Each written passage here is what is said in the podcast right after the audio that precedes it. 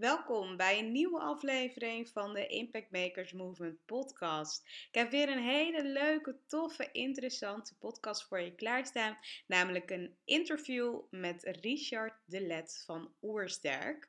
Inmiddels twee jaar geleden dat ik uh, Richard sprak over uh, ja, zijn journey, zijn uh, passie voor Oersterk. Hij is uh, ja, specialist in gezondheidsmanagement van mens, team en werkvloer. Changemaker als het gaat om vitaliteit en balans op de werkvloer. En inmiddels ook echt een hele mooie missie die hij met zich meedraagt om 1 miljoen mensen te motiveren om te kiezen voor een gezonde leefstijl. Nou, daar heb ik hem alles over gevraagd. Het is een podcast die ik een uh, tijd geleden ook heb uh, ja, opgenomen samen met hem. Maar omdat dit zo een waardevolle podcast uh, is en hij zo vaak beluisterd is, wil ik jou de kans geven om hem nogmaals, in ieder geval nu, te beluisteren. Ik zou zeggen, geniet van deze podcast en um, ja, enjoy. Ik spreek je snel weer. Ciao! Welkom bij de Impact Makers Movement podcast. De plek waar de meest inspirerende, baanbrekende en hartverwarmende ideeën worden gedeeld door de echte impactmakers en earthshakers van deze tijd. Zij die het beste met anderen voor hebben. Zij die alles op alles zetten om hun voetdruk achter te laten en deze wereld beter achter te laten dan het moment dat ze hier kwamen. En natuurlijk zij, die dagelijks de mouwen opstroopt om de allerdiepste geheimen voor jou naar boven te halen. Hier is ze dan je host, Archina. Met duizenden luisteraars bij de Succesverhalen podcast, meer dan duizend vrouwen te hebben geïnspireerd en baanbrekende online programma's te hebben gelanceerd om meer winst te halen uit je business. Dagelijks is ze actief op social media om haar stem te laten horen en andere impactmakers wakker te schudden zodat jij dagelijks geïnspireerd wordt met de aller, allerbeste ideeën van deze tijd waar ze met haar sprankelende energie op magische wijze de meest interessante mensen bij elkaar weet te brengen, zodat de bijzondere verhalen die nooit, maar dan ook nooit gedeeld worden, eindelijk op tafel komen te liggen. Hier speciaal in de Impact Makers Movement podcast. Are you ready? Archana Harku. Nou, superleuk. Ik heb vandaag Richard in de podcastshow. Richard is namelijk eigenaar van Oersterk, specialist in gezondheidsmanagement van uh, mens, team en werkvloer. Changemaker als het gaat om vitaliteit en balans op de werkvloer. Nou, welkom Richard. Dankjewel. Tof om je hier uh, vandaag in uh, Succesverhalen te hebben. Nou, voor de mensen die jou niet kennen, en ik kan het gewoon niet geloven als mensen jou nog niet kennen, maar wie is Richard? Uh, nou, Richard is een uh, jonge god van 36 jaar. Uh, ik woon in Heemskerk. Ik ben getrouwd met Renaat. We hebben twee knappe zoons. Noah van 8,5 en James nu van 4,5 maand. en ja, als kleine jongen had ik een droom eigenlijk wilde dierenarts worden. Ik ben gek van dieren. En op de middelbare school verschoof die interesse naar een andere fascinerende mensaap. Uh, dus het werd geneeskunde.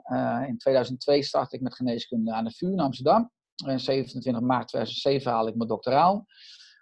ik was totaal niet thuis in de reguliere geneeskunde, omdat ik een heel ander beeld had van de geneeskunde. En ook in mijn reguliere opleiding me verdiept in heel veel Oosterse stromingen, waar ze altijd spraken over het samenspel tussen lichaam en geest. En over de oorzaak van klachten aanpakken hè, in plaats van de symptomen. Mhm. Eh, de reguliere geneeskunde, ja, die geneest eigenlijk ja, vrij weinig, bijna niets. Is vooral expert in de acute geneeskunde. Uh, maar de huidige welvaartsziekten zijn natuurlijk chronische aandoeningen. Dus ik merkte dat ik mensen eigenlijk niet goed kon helpen. En ik had ook heel weinig tijd met mensen, patiënten, maar 7, 8 minuutjes. Dus ik kwam eigenlijk in de knel uh, met mijn eigen, be eigen bezieling. Uh, ja, en ik besloot, uh, ja, zeg maar in juli 2007, toen ik in Medisch Centrum Alkmaar uh, werkte, MCA Alkmaar, om mijn witte jas op te hangen en mijn eigen weg te gaan. En ja, dat klinkt nu heel makkelijk. Dat zijn toen vier intense, spannende, stressvolle jaren geweest. Waar ik in 2008 mijn eigen praktijk begon, waar ik in de tussenliggende jaren ortomoleculaire geneeskunde studeerde, fytotherapie, psychologie, en me gespecialiseerd heb in de PNI, de psychoneuroimmunologie. En ja, in 2011 kwam ik in crisis, want ja, ik dacht, Richard, dan ben je toch een sukkel. Mijn praktijk liep niet. 2010 was ik vader geworden van Noah. Ik wilde de verantwoordelijkheid ook dragen financieel, zeg maar, voor thuis. Uh, ik moest maar 50 uur per week verhuren aan thuiszorginstellingen waar ik medische zorg deed. Uh, ik verdiende 27 euro uh, bruto per uur, waar ik alles van, van moest betalen als ZZP'er. Ja.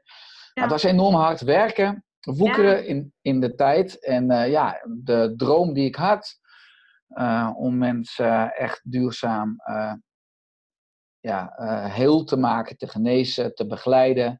blijkbaar stond niemand daarvoor open ik durfde mijn boodschap ook niet met de wereld te delen, want ik was heel erg onzeker. Ik wilde dat iedereen me aardig vond. Uh, dus ik, uh, ik had een, uh, een ik paste me eigenlijk te veel aan aan de, aan de buitenwereld. En ja, het gevolg was zeg maar, die crisis in 2011. En uit die crisis besloot ik, mijn, mijn verlangen werd groter dan mijn angst om mijn, eigenlijk mijn boodschap, mijn visie waarvan ik, ik had zoveel pioniers mogen ontmoeten, boeken gelezen, cursussen, opleiding gedaan. Ik dacht, constant. Waarom weet niemand dit? Hè? We leven zo verschrikkelijk afwijkend. Eh, de moderne mens wordt dikker, wordt zieker, wordt dommer. Ehm, en ik denk, ik moet die, die, die baanbrekende inzichten moet ik gaan opschrijven. Ik ga volgen schrijven. Volle liep uit de hand, werd een boek. Uh, het boek was Oersterk. En Oersterk werd een bestseller. Ja, en zo uh, begon de reis met Oersterk.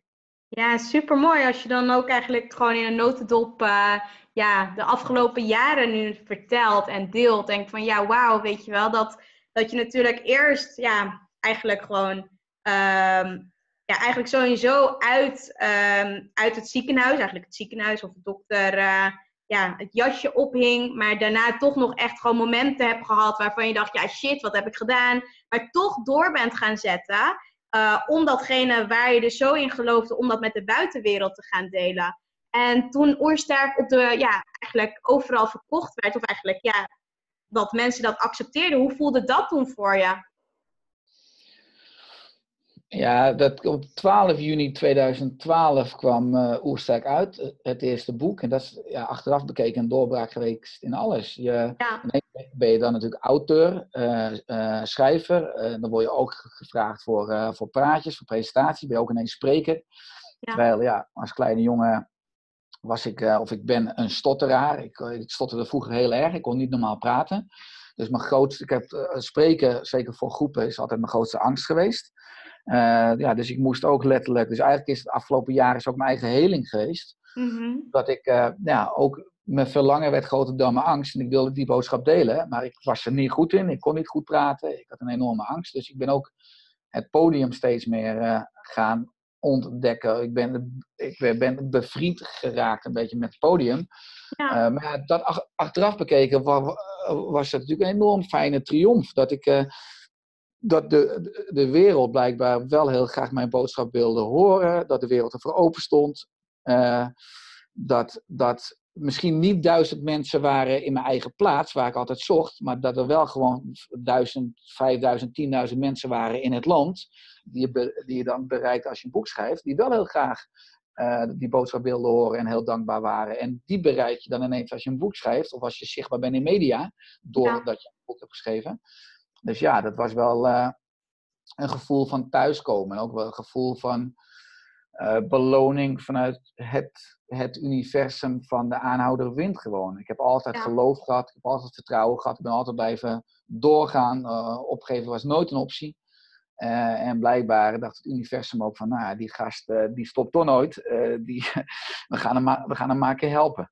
Ja, ja, super mooi. En ja, ik denk dat dat ook wel, ja, ook wel voor de luisteraars die er naar zullen luisteren, naar deze podcast, ook wel gewoon een, een hele mooie inzicht is. Zolang je echt door blijft gaan en zolang je ook in jezelf blijft geloven en dat geloof dus gewoon niet ja, uh, verliest, zul je ook merken dat de aanhouder wint. En dat je dus, op, ja, weet je, als je gewoon niet opgeeft, dat je altijd hetgene zult gaan krijgen wat je ja, verlangd hebt. Ja, ja, ja mooi. wat ik zeg, het is uiteindelijk natuurlijk wel nog groter dat ik altijd het gevoel had dat ik ook geen andere keuze had. Dat ik dit gewoon moest doen.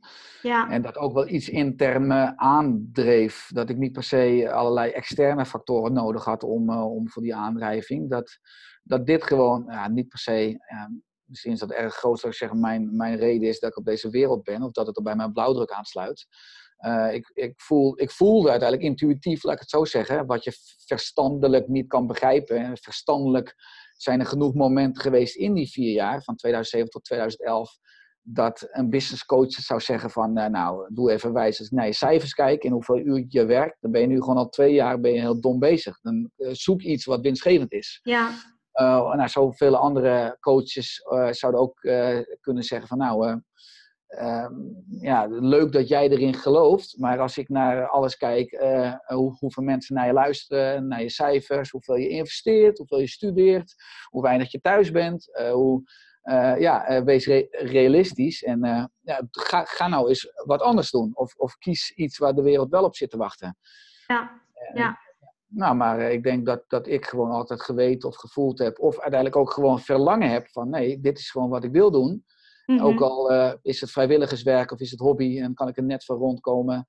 En ik woonde toen ook tot en met anderhalf jaar terug op een flat gewoon achterhoog. en ook al moet ik van huur, huursubsidie leven of van, het maakt niet uit. Dit, is wat ik ja, moet doen, wil doen.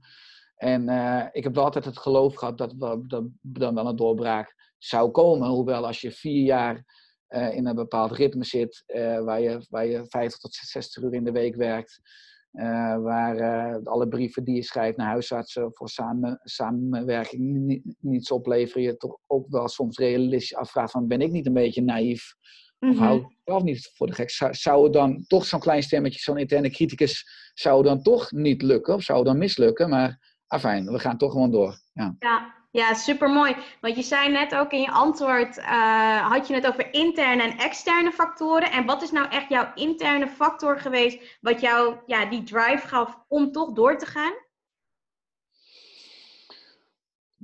Nou, uiteindelijk wel een bepaald. Ik voel gewoon een grote mate van rust innerlijk uh, als ik uh, met datgene bezig ben waar mijn hart ligt. In dit geval leren hoe ons, uh, hoe ons lichaam werkt, hoe het samenspel tussen lichaam en geest. Eigenlijk ook lichaam, geest en ziel.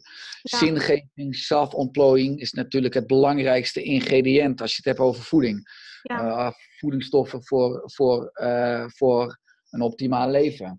Uh, ja, ook gewoon dat ik ja, altijd enorm veel inspiratie en energie kreeg. Uiteindelijk is optimaal leven is gewoon je energiemanagement op orde hebben. Dat je iedere dag meer doet dingen waar je energie van krijgt dan wat energie kost. En hou je iedere dag energie over, dan kan je groeien. Zowel fysiek niveau, uh, mentaal, emotioneel, spiritueel. Uh, ja, ik vond het wel enorm tof en cool wat ik iedere dag gewoon kon doen. En dat ik nog niet veel mensen hadden die ernaar luisterden, was enerzijds frustrerend. Mm -hmm. Omdat ik wel zag wat er mis was in de huidige wereld, wat, wat ontbreekt. Uh, maar ja, heel basaal kreeg ik wel heel veel energie uit de dingen die ik deed. En dat, dat, dat hield mijn energiemanagement uiteindelijk wel zo positief dat ik op de lange termijn kon doorgaan. Ja. Uh, en dat er ook wel aan de andere kant dingen waren, zorgen, frustratie, maar die waren niet, niet overheersend. Ja, ja, ja, best wel mooi. En ook wel echt gewoon goed, ja, echt bijzonder ook om te zien wat, wat, er voor, ja, wat er voor nodig was om tot dit punt te komen waar je dus ook nu bent. En dan wil ik eigenlijk nog wel iets dieper op ingaan, want ik weet niet of, uh, of je deze vraag wel eens misschien gehoord hebt, maar Steve Jobs had in zijn beroemde speech over connecting the dots, en hiermee werd bedoeld dat als je terugkijkt op je leven, dat eigenlijk alles ergens goed voor is geweest. En als jij nu terugkijkt op jouw leven, welke drie gebeurtenissen zijn dan echt doorslaggevend geweest voor waar jij vandaag de dag staat? Je hebt het net al een beetje toegelicht, maar misschien heb je echt drie gebeurtenissen waarvan je denkt, nou, dit is echt wel, ja, dit heeft er echt wel voor gezorgd dat ik nu hier sta. Ja, ik denk de eerste zou uh, dan zijn uh, het besluit in juli 2007 om een witte jas aan de wilgen te hangen. En uh, ja. de reguliere geneeskunde als systeem achter te laten en mijn eigen preventieve gezondheidssysteem te gaan bouwen. Waar ik nu mee bezig ben, dus juli 2007. Een ander belangrijk eikpunt is ja, het zeker vanuit Oersterk het uitbrengen van mijn eerste boek geweest, 12 juni 2012. en ja, ik, ik, ik heb veel interesse. Als je kijkt natuurlijk naar het leven, is alles energie. En ik, uh, echte genezing gaat misschien ook meer over kwantumfysica uh, dan over een potje magnesium slikken. en ik wil altijd wel het gevoel hebben, iedere week, dat ik terugkijk en dat ik, dan, ik heb altijd momenten dat je net de juiste persoon ontmoet uh, die wat uh, toe kan voegen op het punt waar je staat. Of dat je het juiste boek tegenkomt. Of dat je net die podcast tegenkomt met een bepaalde inhoud waarvan je zegt... hé, hey, ik ben sta net op het punt om mijn leven waar ik hiermee bezig ben. Of ik twijfel over iets en ik krijg nu het antwoord.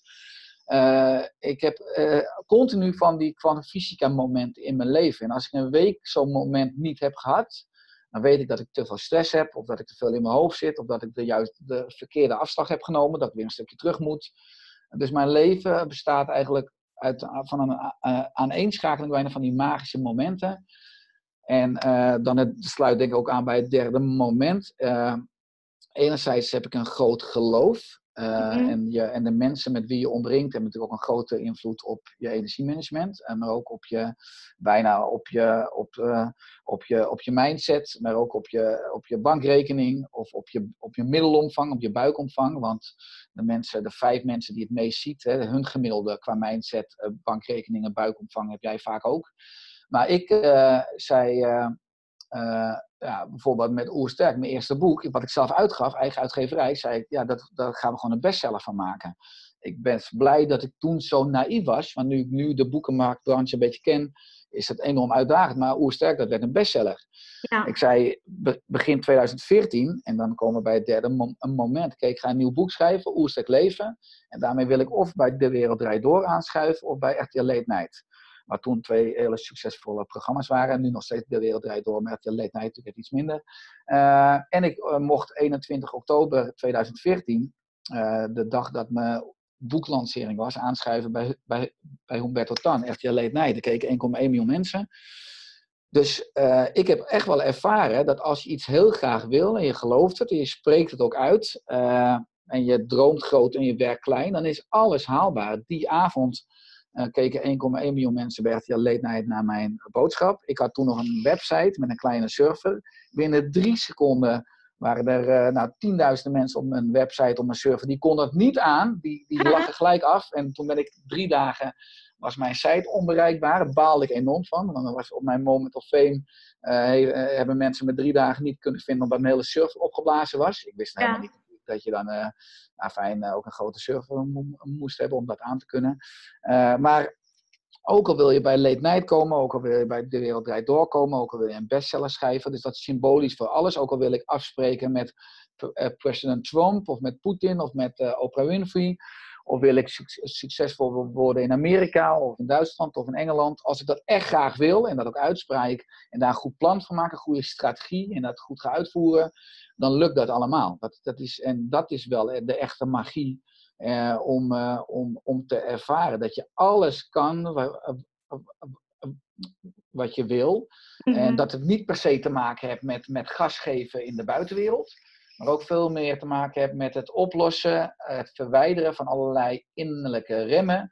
Uh, dus dat is eigenlijk de grootste blokkade. Dus al die negatieve overtuigingen, beperkt geloof, een omgeving die zegt, want het zei mijn omgeving ook, Richard, doe nou realistisch. Wil je bij echt je night of de wereld draait door, dan word je straks weer teleurgesteld. Want die dachten, dus, ja, dat, dat gaat, ga je toch niet redden. Of een, best, bestseller schrijven. Het is wel goed als je, als je 150 boeken verkoopt. Nee, ik wil minimaal 15.000 15 boeken verkopen, anders ga ik geen boek schrijven. Dat is gewoon zonde van mijn tijd en energie.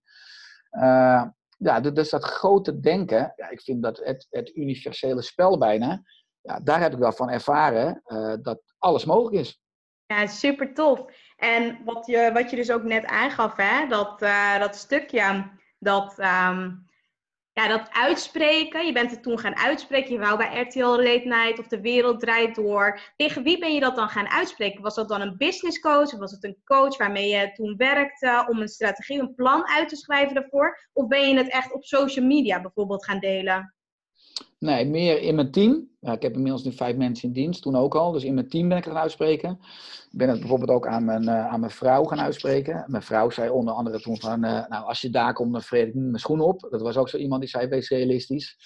Ze moet de schoen trouwens nog opeten, maar, maar dat terzijde. Uh, maar wel heel erg intern in mijn team.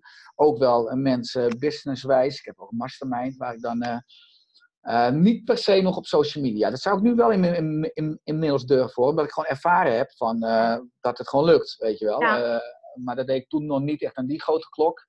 Maar wel gewoon intern heel erg gefocust op. maar daar ook, een, ook gewoon een vision board van maken en dat ophangen op kantoor uh, op je whiteboard. Ook de achtergrond van mijn iPhone uh, was, waren de, de plaatjes van het onderbewustzijn. Het oerbrein noem ik dat.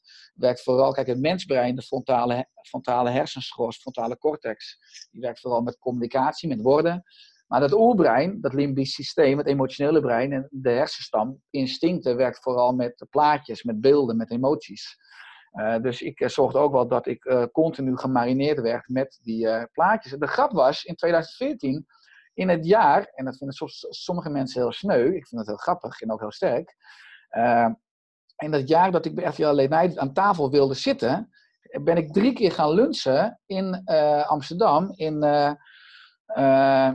in het hotel van Fletcher is volgens mij, hè, waar Humberto dan uitzond. Gewoon op, volgens mij wel. Plein. Maar, dus, maar aan die tafel waar Humberto dan met zijn gasten zat, daar kon je overdag gewoon... Lunchen? lunchen en eten. Dus ik ging aan die tafel. Super slim! Met mijn Oersterk MacBook ging ik dan, was met mijn nieuwe boek bezig. Dus terwijl ik met mijn nieuwe boek bezig was, aan het schrijven was, ging ik naar Amsterdam aan de tafel schrijven van RTL Late Night. En dacht ik van nou, hier zit ik over een aantal maanden dus, als ik over dit boek kan vertellen.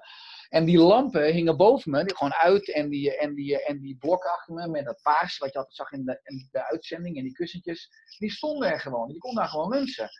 Uh, ja, zo, dat, ja, zo was ik dan al bezig. Dat ik gewoon letterlijk al aan die tafel zat. Want daar zou ik een paar maanden later ook zitten. Uh, ik geloof dat dat allemaal bijdraagt. Ja, zeker. Dat geloof ik zeker. Ik vind dat echt zo, ja, ik vind het altijd zo magisch dat als je visualisatie, het universum, gebruikt voor, ja, niet per se gebruikt, maar wel gewoon toepast en al die wetten echt toepast op wat je wilt bereiken en dat alles mogelijk is. Ja, ik vind dat echt gewoon super magisch en uh, ik geloof daar zeker ook in. Waar ik ook wel benieuwd naar ben is, waar is jouw missie ontstaan om mensen te gaan helpen met gezondheid? Ja, ik denk dat dat cruciale momenten zijn geweest dat, dat ik geboren werd, uh, waren mijn ouders wat ouder. Mm -hmm. uh, eind 30. Dus, dus, en hun ouders waren ook wat ouder. Dus mijn opa en oma die waren al oud, uh, 75, 80. In de 80 dus toen ik tiener was. En die werden beide ziek, die overleden aan kanker. Uh, en enerzijds ben ik heel praktisch. En dacht ik natuurlijk ook gedurende dat sterfbed van potverdikkie. Hoe mooi zou het zijn als ik nu dit zou kunnen oplossen. Als ik ze zou kunnen helpen genezen. Uh, en dat kan als je dokter bent, hè? die illusie had ik mhm. toen nog. Uh, vanuit de re reguliere geneeskunde. Dus, dus dat zijn wel sleutelmomenten geweest. En uh, dat ik echt wel een mensenmens ben en heel erg hou van menselijk contact. En ja, ook heel mooi vind natuurlijk. ik wil eigenlijk ook misschien ook wel een stuk angst. Ik denk, ja, ik wil zelf niet, niet ziek worden of niet doodgaan aan erg ziektes. Dus dan moet ik zelf ook snappen hoe het lichaam werkt. En als ik arts ben, ja, dan als je arts bent, dan word je natuurlijk zelf nooit ziek. Tenminste, die illusie had toen ook nog.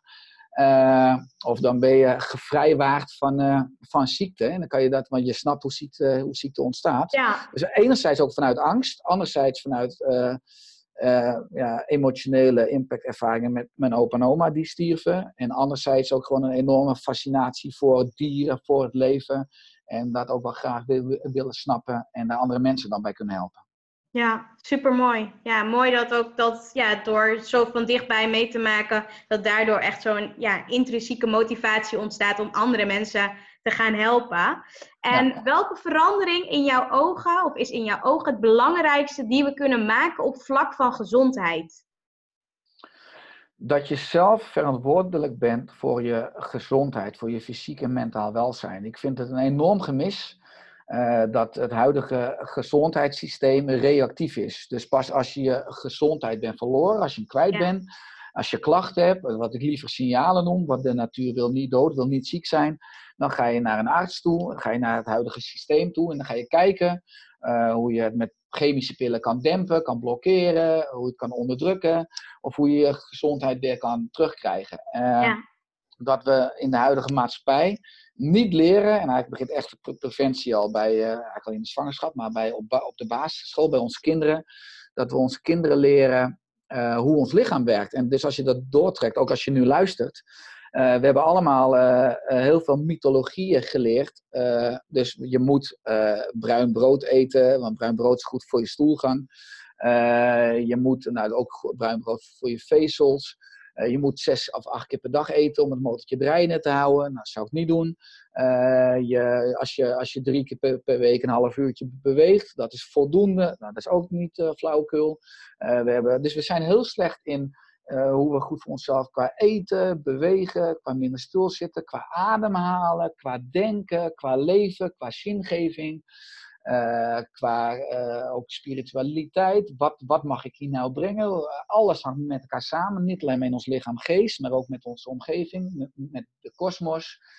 Uh, ja, als je die verbanden meer ziet, ja, dan ga je je veel meer verwonderen. Ga je veel meer fascineren. Maar dan ga je ook veel beter voor je lichaam en voor je geest zorgen.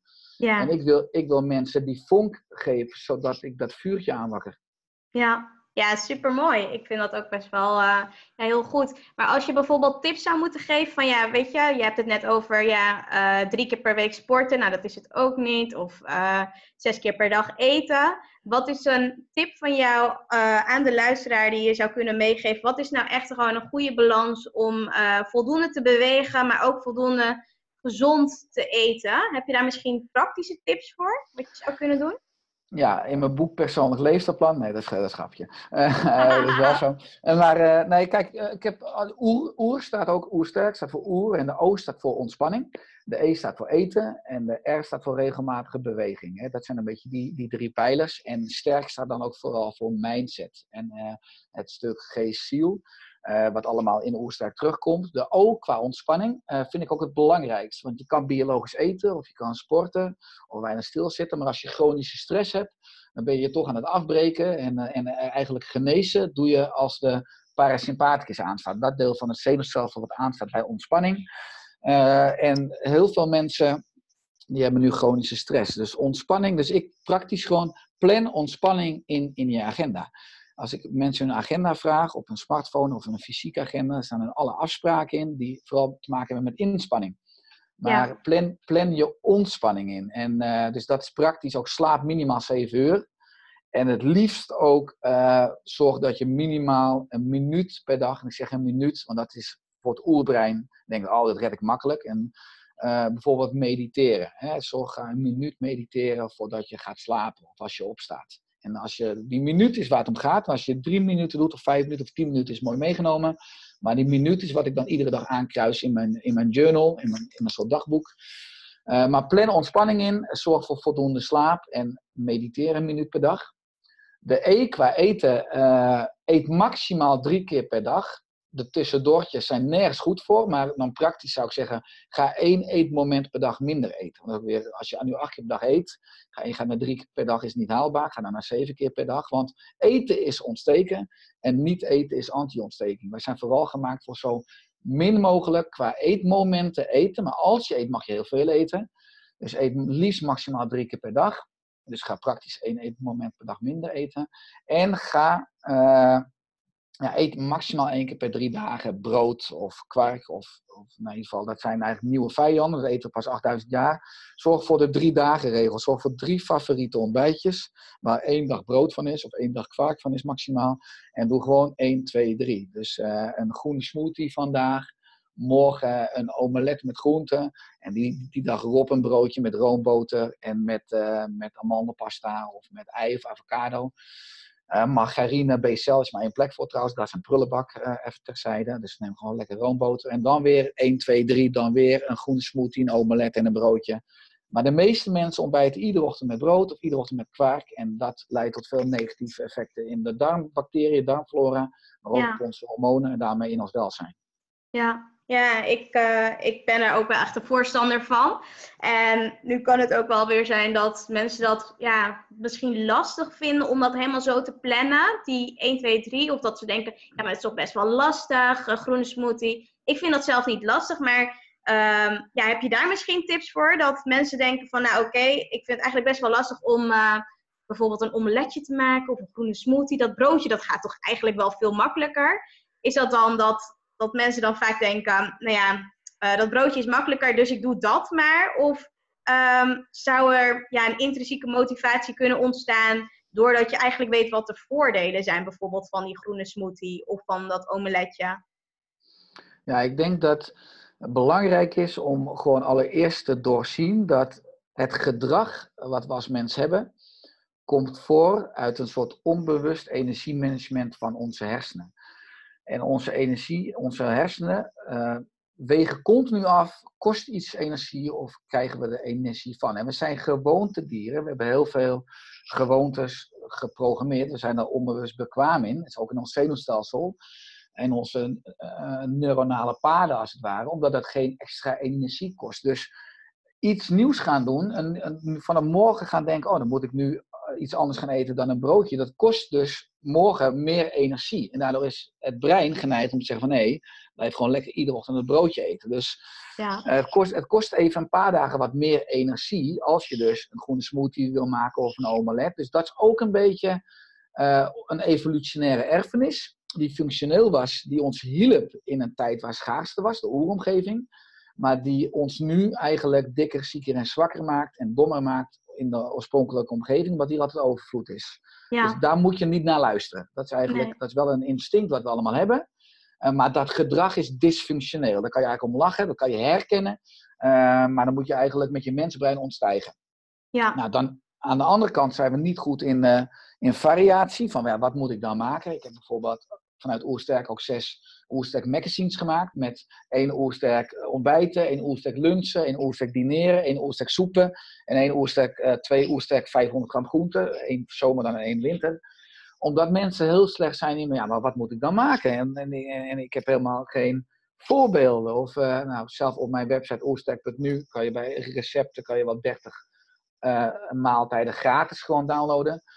Maar dat is gewoon een kwestie van, nou ja, dat als bijvoorbeeld als voorbeeld nemen en uh, maar een omeletje maken of met drie eitjes. Of een groene smoothie maken van een handje spinazie, een avocado en een halve banaan en water. Ja, dat is hartstikke basic. Het is gewoon een kwestie van doen. doen en als, je, als je dat een weekje doet en ook een afkrui, af, afkruisschema maakt, bijvoorbeeld zeven dagen met zeven kruisjes, zodat je het op de koelkast plakt, kan je het ook aankruisen. Vindt Oerbrein ook prettig, dan zie je progressie ja, dan, dan, is dat, dan heb je die weerstand tegen verandering, of eigenlijk weerstand tegen iets nieuws, omdat het per definitie meer energie kost dan het bestaande, wat in je brein al uh, eigenlijk uh, uh, qua neuroplasticiteit, die banen liggen er al. Ja, dat moet je eigenlijk doorbreken. En dat is bijzonder simpel. en dat is de weerstand tegen een nieuw ontbijtje maken. Ja, daar, daar kan je om lachen, omdat dat een evolutionaire erfenis is. Uh, maar die energie van wat extra. In het begin kost het wat extra, maar op de lange termijn gaat het je veel meer energie opleveren. Dus als je het niet doet, als je iedere dag het broodje blijft eten, en dat brood geeft veel onrust in de, in de buik, en de darmen, second brain, hè, het tweede brein, hebben veel verbindingen weer met de hersenen. Maar dat uh, maakt, zorgt ervoor dat je immuunsysteem overactief gaat. Dus dat rooft heel veel energie weg. Dus op de lange termijn heb je veel minder energie als je nu je huidige voedingspatroon in stand houdt. Dus dan maak je eigenlijk een soort leider met een lange ei. Terwijl als je nu verandert en op de, op de korte termijn iets meer energie investeert, gaat dat je op de lange termijn, het is net alsof je nu 2 euro investeert, maar dat geeft je 1000 euro. En als je dat niet doet, dan moet je iedere week moet je gewoon 10 euro betalen, betalen, betalen. Uh, dus dat is op de lange termijn ben je dan gewoon dom. Ja, ja. mooi toegelegd. En denk jij dat het mogelijk is in de maatschappij waarin we leven, de enorme vraag naar voeding, om überhaupt nog gezonde voeding uh, ja, voor te schrijven? Ja, dat is misschien een basisvraag. Hè? Ik vraag me bij alles af, wat is nou de oorzaak van de oorzaak van de, de oorzaak? Het primaire mhm. probleem wereldwijd is overbevolking. Hè? We zijn met 7,2 miljard mensen, we groeien door naar 9, 10 miljard mensen. We gaan als een soort parasietenplaag over de aarde heen. Dus nee, dan kunnen we niet iedere dag bijvoorbeeld vis eten. Integendeel, we, uh, we vissen de zeeën leeg. Uh, of ook naar bepaalde biologische voeding. Uh, dus ik vertel zeker ook niet iedereen op de wereld mijn oersterk boodschap. Dat is aan een selecte groep. want we kunnen niet met z'n allen bijna oersterk eten. Maar aan de andere kant zie je dat we, bijvoorbeeld als je kijkt naar onvruchtbaarheid, is nu het grootste medische probleem. Al 15% van de bezoeken aan huisartsen en medisch specialisten hangt samen met onvruchtbaarheid. Dus dat is fantastisch. Want wij zijn nu aan het zorgen voor onze eigen uitsterving. We worden onvruchtbaar van onze leefstijl. Er zal ook misschien, uh, als je kijkt op de wereld, ook wel weer een soort evolutionaire bottleneck komen. Dus een enorm groot virus, of een Q-koorts is of wat anders. Of rampen zie je enorm toenemen. En dat is vanuit macro-perspectief goed, want we kunnen niet met, met 10 miljard mensen op deze aarde leven. we kunnen dus ook waarschijnlijk niet, of als je kijkt naar permacultuur, we moeten gewoon het hele systeem anders gaan inrichten. Ik denk dat dat het antwoord is. Ziekte is nu een fantastische economie. Het is een markt geworden. In ons land werken anderhalf miljoen mensen in van onze zorg. Maar ook als je kijkt naar, naar de voedingsindustrie, ja, die is zo machtig. En ja, die houdt ons allemaal weerloos zoet te kouwen. Ja. Die houdt ons verslaafd aan ons instinct voor zoet en zout. En dat moeten we eigenlijk met z'n allen doorbreken. Ik ben bezig met een kudde te maken van zwarte schapen. De hele maatschappij leeft afwijkend. Allemaal witte schapen. Uh, die die ja, zich ja, continu laten leiden door een industrie. die gemaakt is om, om ons nou ja, te laten eten, te laten zitten, overprikkeld te houden. Eh, aan ons scherm gekluisterd te houden. Om, om ons tien keer per dag te laten eten. Want dan eten we meer en dan moeten we vaker boodschappen doen. Eh, heel veel comfort. En eh, ja, dat, dat maakt je zwakker. Dat maakt je ontstoken en dat maakt je ziek. en aan de andere kant is er nu een tegenbeweging die mensen begeleidt, die mensen proactief maakt, die mensen zelf leider maakt, hoe ze zelf hun gezondheid kunnen behouden. Uh, ja, mijn doel is in 2022 dat, daar, dat we 1 miljoen mensen hebben in, uh, in ons land die ons proactief kun, uh, kunnen leiden. En dat gaan we ook redden.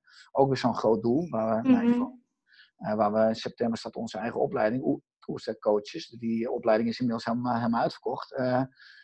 maar dat systeem ben ik nu aan het opzetten. Maar terug naar jouw vraag, is het mogelijk wereldwijd? Nee. en dat is een, een probleem. Ehm, maar toch staan heel veel mensen er niet voor open. Veel mensen gaan eten en zittend en, uh, en overprikkeld ten onder. En vanuit ja. macro-perspectief is dat fantastisch.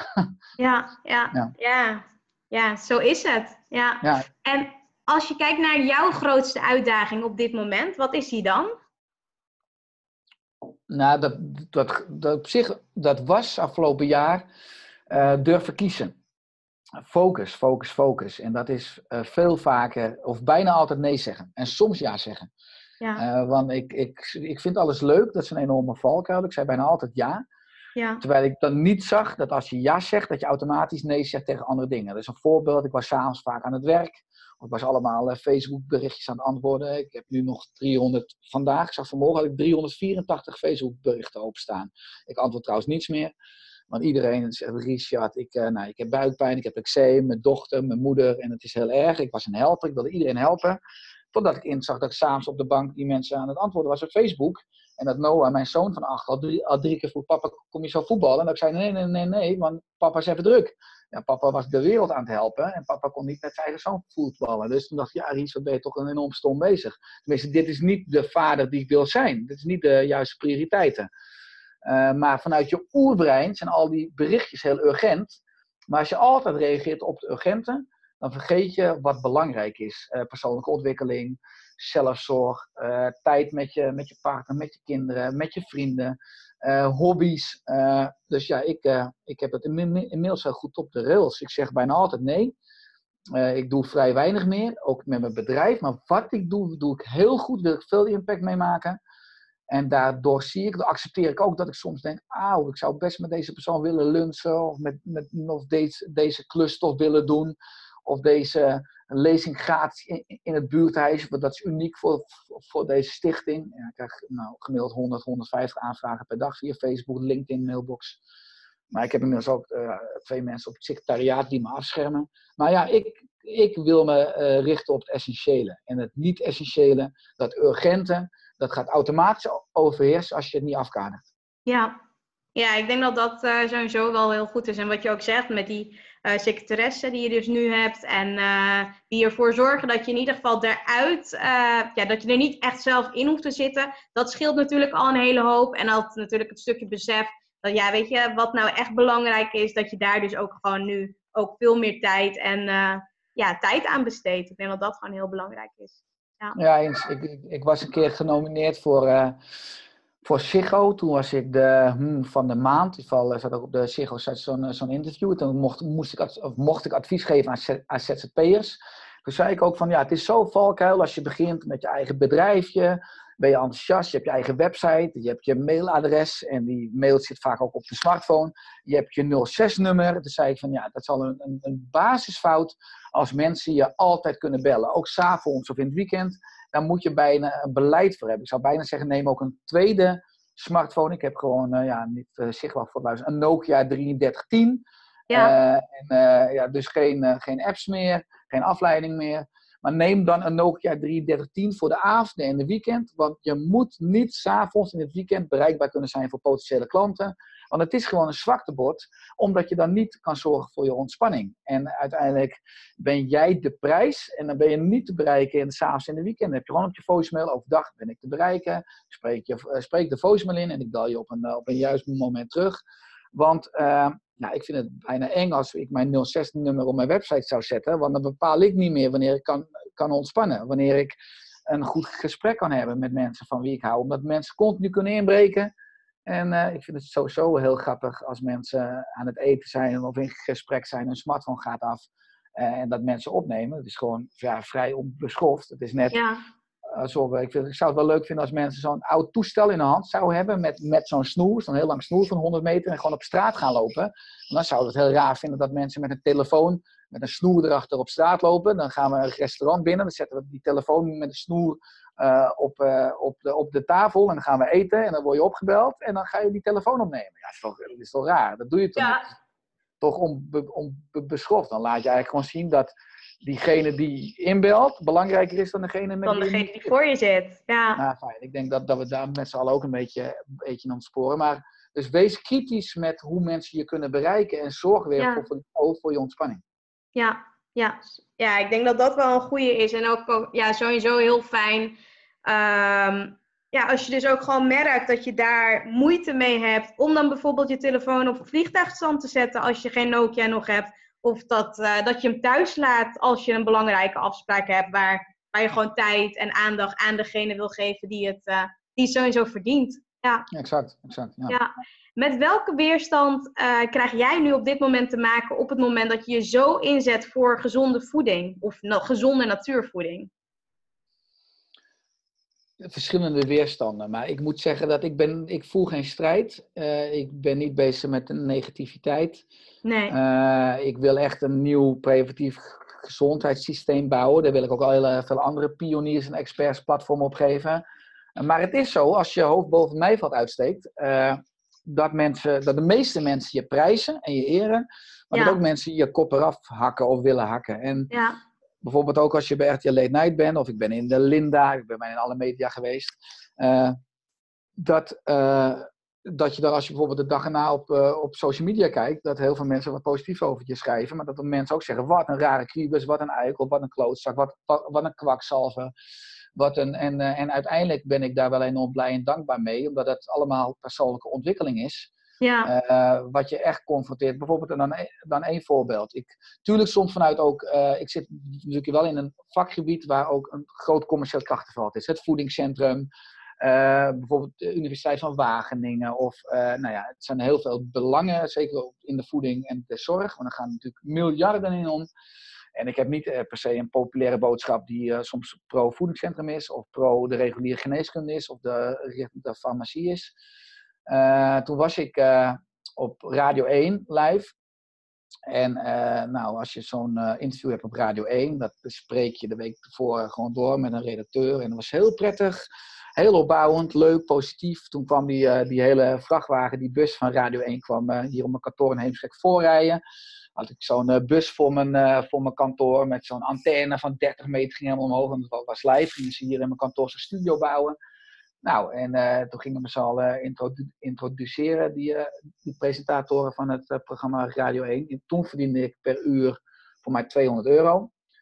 inmiddels trouwens een stuk meer.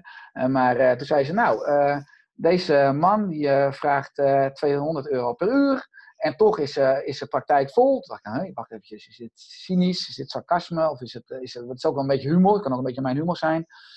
Uh, maar dat was dus uh, in ieder geval, toen was de hele opzet al een beetje anti-Richard, anti-Oersterk en wat jij propageert. Dat is, maar toen, dat was één. En toen live kwam professor Frans Kok, die belde ook in. Nou, dat, die, heeft, die heeft niet zo pro-Richard of pro-Oersterk. En die had ook een quote gehaald uit een van mijn boeken, trouwens allemaal wetenschappelijk onderbouwd. Maar die zei toen, mensen die dit schrijven, die horen in de psychiatrie thuis. En uh, ja, dat raakte me enorm. Ik zag hem niet aankomen. Ik was live op Radio 1 en mijn oerbrein dacht, jeetje, wat ben je een enorme klootzak. Kom hier al en dan krijg je, dan je een klap voor je harses. En mijn mensbrein dacht van, uh, oké, dat zei, zo reageerde ik dan gelukkig ook beheerst van, nou, meneer Kok, dat zijn uw woorden. Dat laat ik bij u liggen. Er zit een wetenschappelijke publicatie bij. Dat is ook uw taal. U bent van de wetenschap. U kan die publicatie lezen en dan, dan, dan snapt u de context. En verder ga ik hier niet in mee. Maar het raakte me enorm. Het interview was klaar op, Radio 1. Ik kon hier op mijn kantoor, uh, heb ik denk ik 10, 20 minuten alleen maar kunnen huilen.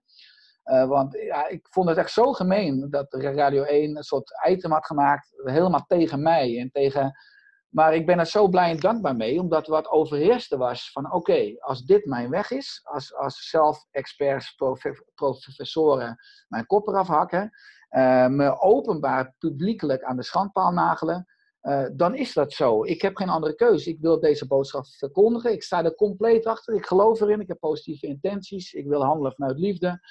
Uh, uh, maar dan accepteer ik dit. En, en achteraf zou ik bij spreken die, die professor ook een bos bloemen willen sturen en een fles champagne. Van dank, dank u wel voor deze les. Omdat, omdat dankzij u ik nog zekerder weet dat ik dit moet doen. En dat ik nog beter of kritiek gewoon accepteer, want het hoort erbij.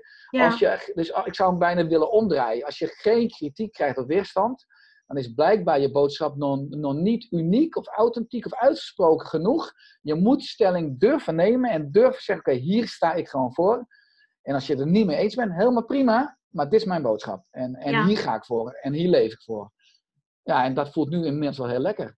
Ja, fijn. Heel fijn. En ook echt bijzonder goed. En uh, ja, supergoed hoe je ermee om bent gegaan. Want op dat moment weet je gewoon niet. Je bent eigenlijk, je wordt gewoon on the spot gezet van ja, dit is nu de situatie en deal er maar mee. Maar dan is het echt de kunst om daar echt zo goed mogelijk mee om te gaan. En ja, dat heb je toen dus ook echt uh, laten zien.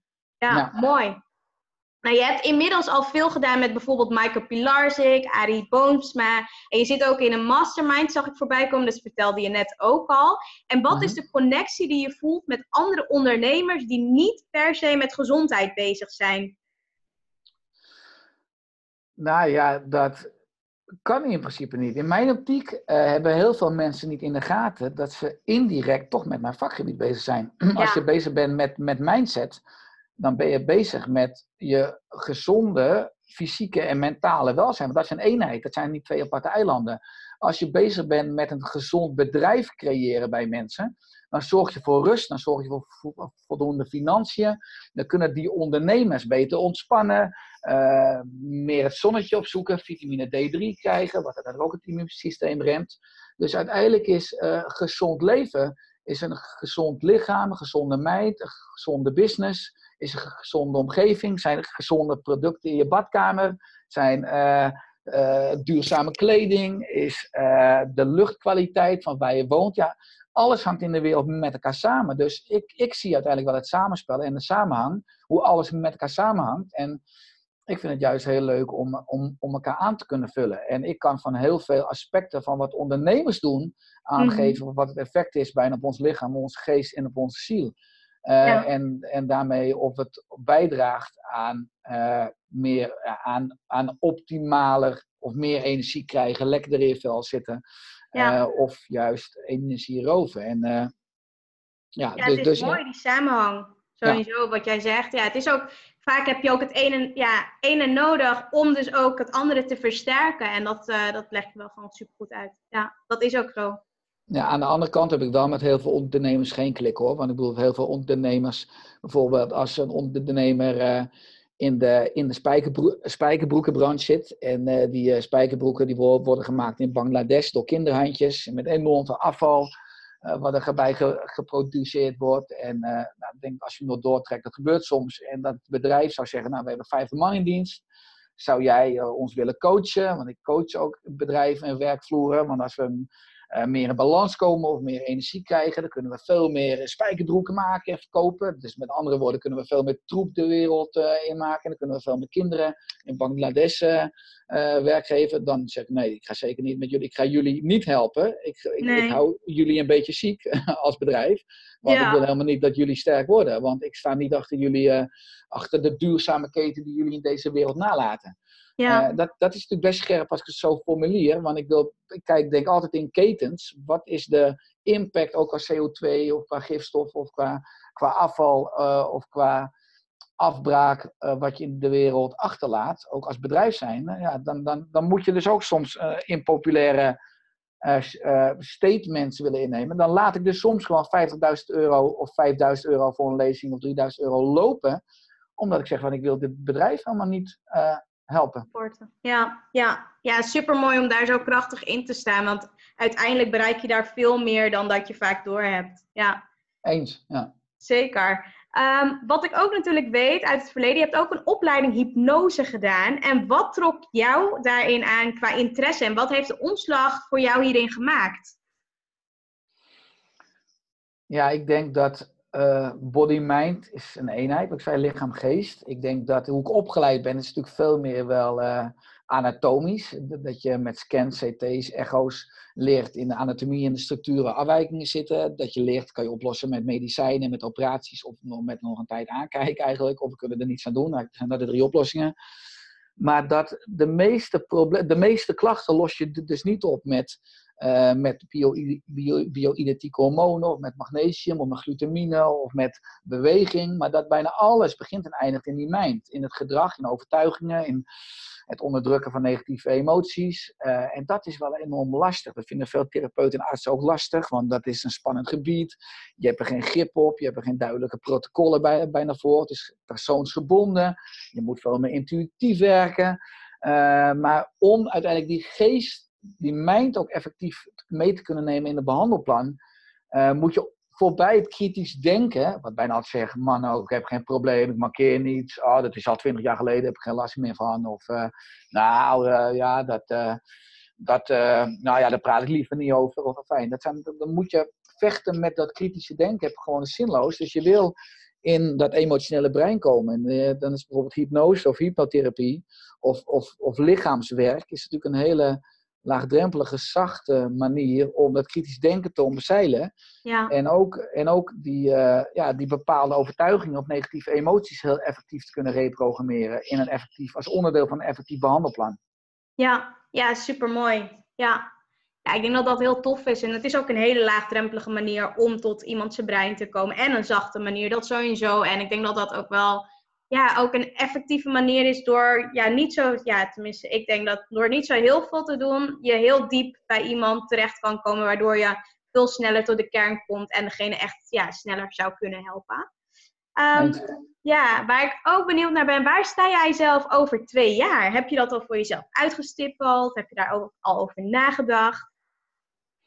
Nou, wat ik zeg, waar ik daarover nagedacht heb, een doel heb, is voor uh, ja, dus drie jaar, 2022. Dan uh, wil ik dat 1 miljoen mensen leider zijn ja. van, een, van een gezondheid, door eigenlijk ook de oersterk-methode. Uh, in september start onze opleiding. Dan hebben we bijna 100 oersterk ja, trainers die we, die we ja, tenminste die volgend jaar in die zin afstuderen. Ja. En dan hebben we een nationaal netwerk. volgend jaar september start de tweede groep. Uh, dus dan heb ik, we hebben veel meer handen en voeten in het land uh, als oercoach. En ik, uh, ik wil ook daarnaast, ja, heb ik wel een ambitie. We, we, hebben nu een beetje een commercieel voedingscentrum met een schietschijf van vijf, zeg ik altijd. Maar we hebben niet een onafhankelijk leefstijlcentrum. Wat ik zei, we leren nergens hoe we goed voor ons lichaam en voor onze geest kunnen zorgen met leefstijl. Dus ik wil ook een soort, ik wil dat leefstijlcentrum wat nu het plan is, wel ook in dit najaar, begin 2020, lanceren. Een soort ja, online community, waar mhm. mensen elkaar kunnen ontmoeten, waar mensen kunnen leren hoe ze goed voor lichaam en geest kunnen zorgen. Uh, met verschillende experts, uh, of de experts op het gebied van ademen, denken, bewegen, eten, ontspannen. Uh, maar dan ook met, ja, denk ik, met, wij spreken met een soort journal. Want het is natuurlijk echt een levenslange reis. Dat mensen daar begeleid op worden. Dat mensen één op één eventueel bij mijn Oersterk trainers dan ook begeleid kunnen worden. Oersterk coaches. Uh, ja, dat nationale netwerk ben ik nu aan het opzetten. En ik denk dat dat over twee jaar uh, dan al concreet geworden is. Ja, mooi. Super mooi. En wat is jouw allergrootste droom die je zelf nog hebt? Mijn allergrootste droom? Uh, ja, dat is dat. ja, als ik stiekem aan droom, is wel dat we dat Nederlandse concept wat we nu aan het uh, neerzetten en optimaliseren zijn, ook interna internationaal gaan uitrollen. Ik ben stiekem ook al heel lang bezig met, met Engelse les. En ik ben natuurlijk een week bij de non in Vught geweest voor uh, een week Engels. Ik heb al een, een paar Engelse talige presentaties mogen geven. Maar ik zou het wel enorm cool vinden, gewoon als je ook straks in Engeland, in, in, in Duitsland, in Europa maar ook misschien nu gewoon met de online marketingmogelijkheden, gewoon wereldwijd een, uh, een pionier bent op het gebied van gezond leven, uh, van vitaliteit. Uh, en ik, ik hoop uiteindelijk dat ik een leraar mag zijn die heel veel duizenden andere leraren mag maken, die nog veel meer impact gaan maken dan ik. Hè. Ik, ben, ben niet, ik wil geen volgers creëren, maar leraren. Ik wil een soort doorgeefluik. Ik ben ook helemaal niet zo interessant. Ik ben de boodschapper. Ik vind mijn boodschap interessant. Veel, veel interessanter dan ik zelf. En ik heb dat ook weer vanuit heel veel ingangen mogen leren. Dus ik wil dat andere mensen ook leren. Dat andere mensen, uh, die waarschijnlijk nog veel slimmer zijn dan ik, dat ook allemaal gaan oppakken. Dat die uh, grip en controle hebben met de methode die er gewoon die overdraagbaar is. En dat dat straks als een soort gezondheidsvirus, epidemie over de wereld heen gaat. En dat, dat mensen besmet worden door het gezondheidsvirus, uh, waar ik dan een heel klein schaapje in heb mogen zijn. Ja, ja super mooi. Mooie dromen en ook echt mooie plannen, zo te horen. Heel tof, Richard. En ja, wat zou je als afsluitende les of advies aan de luisteraar willen meegeven? Je hebt natuurlijk al superveel volgens mij gegeven. Nou ja, veel meer uh, gooi het als dan principe overboord. Dus uh, voorkom de valkuil van als ik eerst mijn bedrijf maar op de, op de rails heb staan, dan ga ik wat beter voor mezelf zorgen. Als ik eerst nog maar 50.000 euro omzet heb, dan ga ik wat meer met mijn kinderen doen. Als ik eerst maar nou, die promotie heb, dan ga ik wel wat beter voor mezelf zorgen en afvallen of wat gezonder eten. Of als eerst deze drukte over is, dan nee, je hebt alleen maar vandaag. En een goed leven bestaat uit een goede dag hebben. Als je vandaag een goede dag hebt, en morgen een goede dag en overmorgen een goede dag, is de kans groot dat je een goed leven hebt. Maar alles is te herleiden tot vandaag. Het huidige moment is het, het moment waar alle macht ligt. Dus zorg voor, voor vandaag voor één minuut ontspanning. Zorg vandaag dat je één minuut uit je stoel opstaat en dat je één minuut minder stil zit. En zorg vandaag dat je een gezonder ontbijt, lunch of avondeten. Zorg dat je één extra opscheplepel groente van vanavond opschept. Eh, en dat je gewoon wat meer groente binnenkrijgt. Want dat zijn vezels, een fantastisch effect. Maar, maar, maar begin niet morgen, heb niet de illusie van de toekomst. Begin vandaag. En, en, en besef dat je lichaam het instrument is, het voertuig is waar je dit leven in reist. Dat is je echte goud. En voorkom uh, de verkeerde ruilhandel. Want heel veel mensen, ik begeleid ook mensen uit de quote 500, topsporters. Maar die, heel veel mensen uit de quote 500, die zijn succesvol. Uh, maar ze hebben een gezondheid en een geluk ingeruild voor dat succes. En dat is domme, dat is de verkeerde ruilhandel. En, ja. uh, en zorg dat je goed zorgt voor jezelf, voor je lichaam, voor je geest. En dan is succes op een gegeven moment automatisch een duurzaam gevolg. Maar dat is echt succes, omdat het niet ten koste is gegaan van uh, je kwaliteit van leven. Ja, super mooi. Super mooie afsluiter. Ik wil je bedanken voor dit waardevolle uurtje. Kijk, ja, ik voel gewoon aan alles dat dit echt een, ja, een waardevolle podcast zal zijn voor alle luisteraars. Dat ze er veel uit zullen gaan halen. En uh, ja, dank je wel sowieso voor je tijd. En voor uh, al je antwoorden. Vond het echt leuk. Heel graag gedaan, Adjana. En jij ook heel veel succes en inspiratie. En groeien met deze leuke, mooie, prikkelende podcast. Ja, dankjewel Richard. Thanks. En zo zijn we alweer aangekomen bij het einde van deze episode van de Impact Makers Movement podcast. Namens iedereen en natuurlijk Archana, hartelijk bedankt voor het luisteren en we horen je graag terug in een van onze volgende episodes. Graag willen we je vragen om ons te helpen en onderdeel te worden van de Impact Makers Movement podcast door een positieve review achter te laten op iTunes met natuurlijk 5 sterren. Want op die manier ben jij, net als wij, een echte Impact Maker. Tot in de volgende episode.